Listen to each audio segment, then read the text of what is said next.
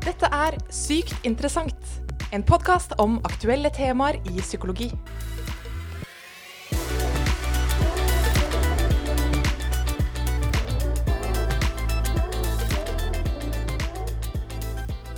Hei og hjertelig velkommen til en ny podkastepisode.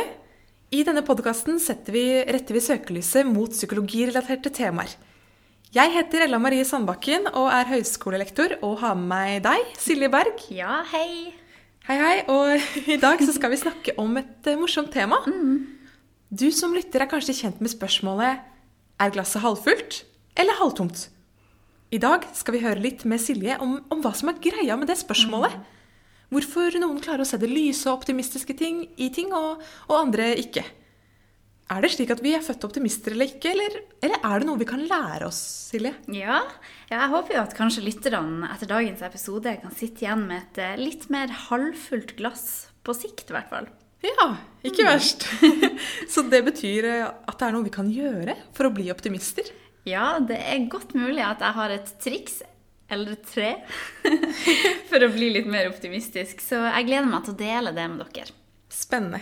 Gleder meg til å høre mer om det. Skal vi bare sette i gang? La oss gjøre det. Så la oss begynne med dette glasset. Halvfullt eller halvtomt? Ja, Silje, hva er egentlig greia? Ja, Du er kanskje kjent med det uttrykket som setter fokus på hvordan vi mennesker kan se det nøyaktig samme glasset, og likevel så kommer vi til en sånn motsatt konklusjon. Mm. Og et halvfullt glass det anses som en mer sånn optimistisk eh, tydning av glasset, mens et halvtomt beskrives mer som en pessimistisk holdning til glasset. Og ofte så kan en tenke på seg sjøl som enten-eller. Enten så er jeg optimist, eller så er jeg pessimist. Ja. Og at dette er en sånn uforanderlig faktor. Men det stemmer nødvendigvis ikke, da. Nei. Ok, så betyr det at hvis jeg har sett på glasset som halvtomt da, hele livet, for å si det på den måten, vært tenkt at nei, men jeg er bare litt pessimist, så kan jeg endre på dette og begynne å se på glasset som halvfullt? Ja, det å være enten optimist eller pessimist, det er ikke noe du er eller ikke er, faktisk. Det er noe vi kan lære oss. Ok, ja. Spennende.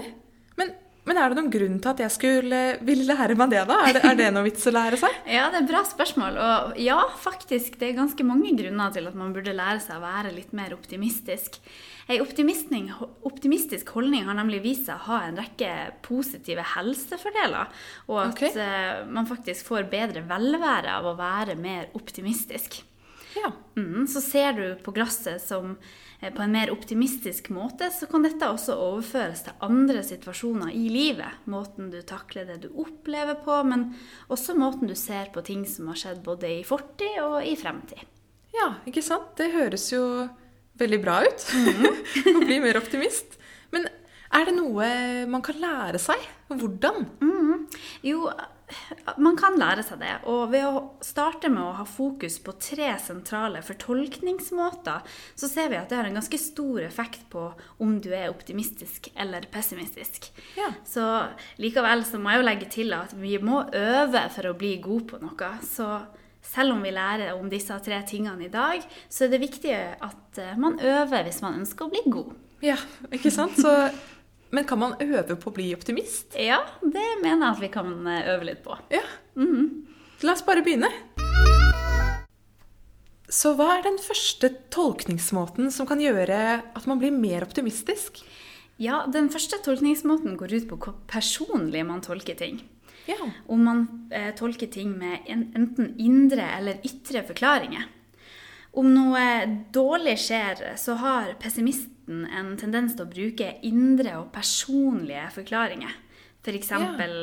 hvis et gruppeprosjekt går dårlig, så er pessimisten veldig rask med å forklare det med sitt indre. Det var, det var min skyld at gruppeprosjektet fikk en dårlig karakter.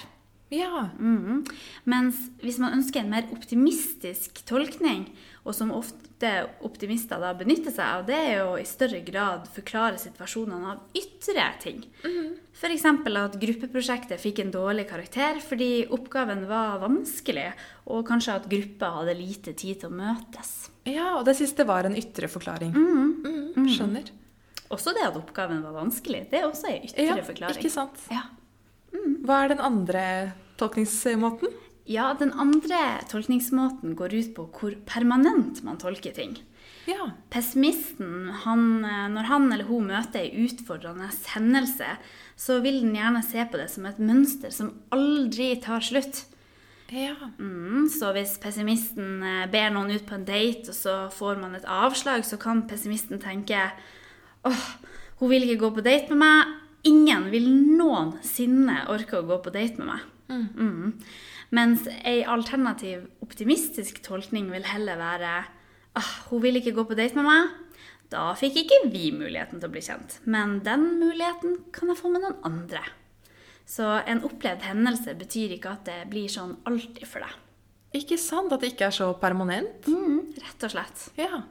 Og, og den siste tolkningsmåten? Ja, den siste tolkningsmåten den går eh, mye ut på hvor mye man generaliserer det en opplever. En såkalt generalisert tolkning. Måten situasjoner generaliseres til andre områder i livet, vil også kunne være ulikt hos den som er pessimist, og den som er optimist.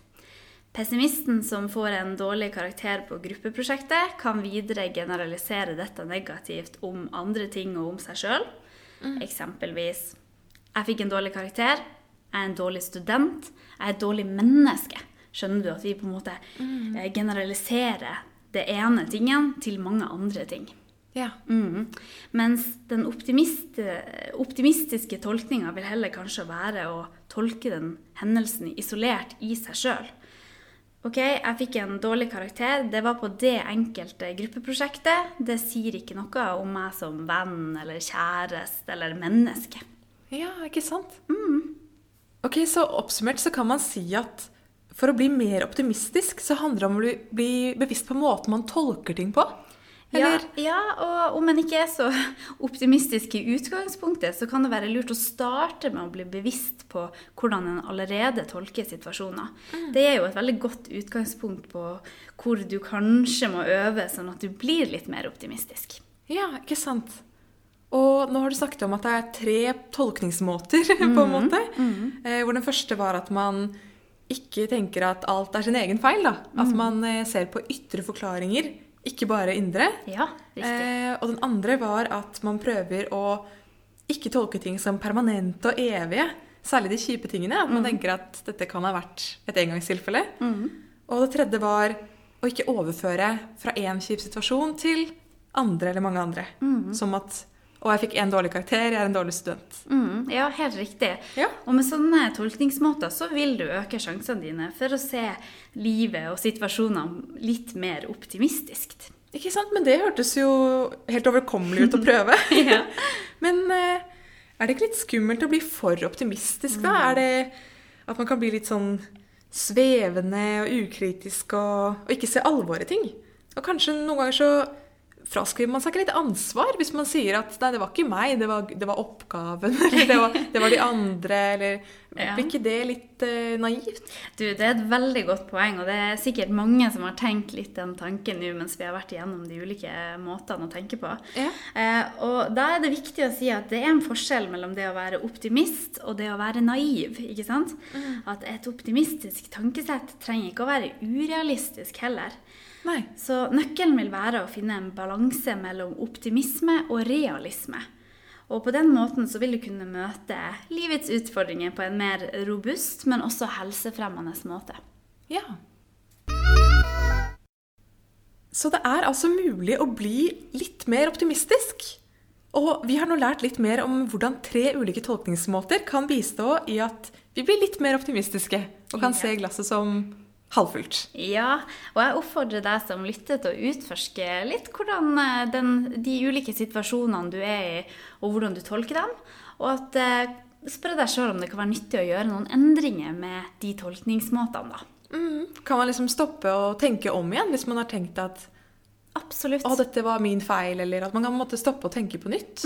Ja. Tolke situasjonen eh, med litt eh, nye vinklinger eller nye øyne, da. Ja, som du sa, Silje, så det ser jo ut som det å være litt mer optimistisk eh, er bra for deg. Ja, det er rett og slett ganske bra for deg. og, og en kan være både optimistisk og realistisk. Men altså, for å bli det, så er det sånn som det er med alle andre ting. Du må øve. Eh, og om det er vanskelig, så kan det jo hjelpe å prate med en venn. Det er ofte fint med innspill fra andre dersom man er liksom fastlåst i gamle, pessimistiske tolkninger. Ja, lurt. Men eh, hvordan, eh, hvordan type innspill fra andre tenker du på? F.eks. at du hører med andre hvordan de tolker situasjonene. Er de enige i at den dårlige karakteren betyr, betyr at du er en dårlig person, f.eks.? ja, ikke sant. Så spørre litt eh, vennene sine ut om sånne ting. Mm, lurt. Mm. Så da eh, håper vi at glasset er litt mer halvfullt enn halvtomt for deg som lytter. Og dersom du ønsker å lese om det vi har prata om i dag, så kan du sjekke ut hva høyskolens eh, blogg eh, kan by på, for der har eh, jeg da skrevet et blogginnlegg om litt nærmere om hvordan man kan bli en optimist. Mm. Så det er bare å sjekke ut.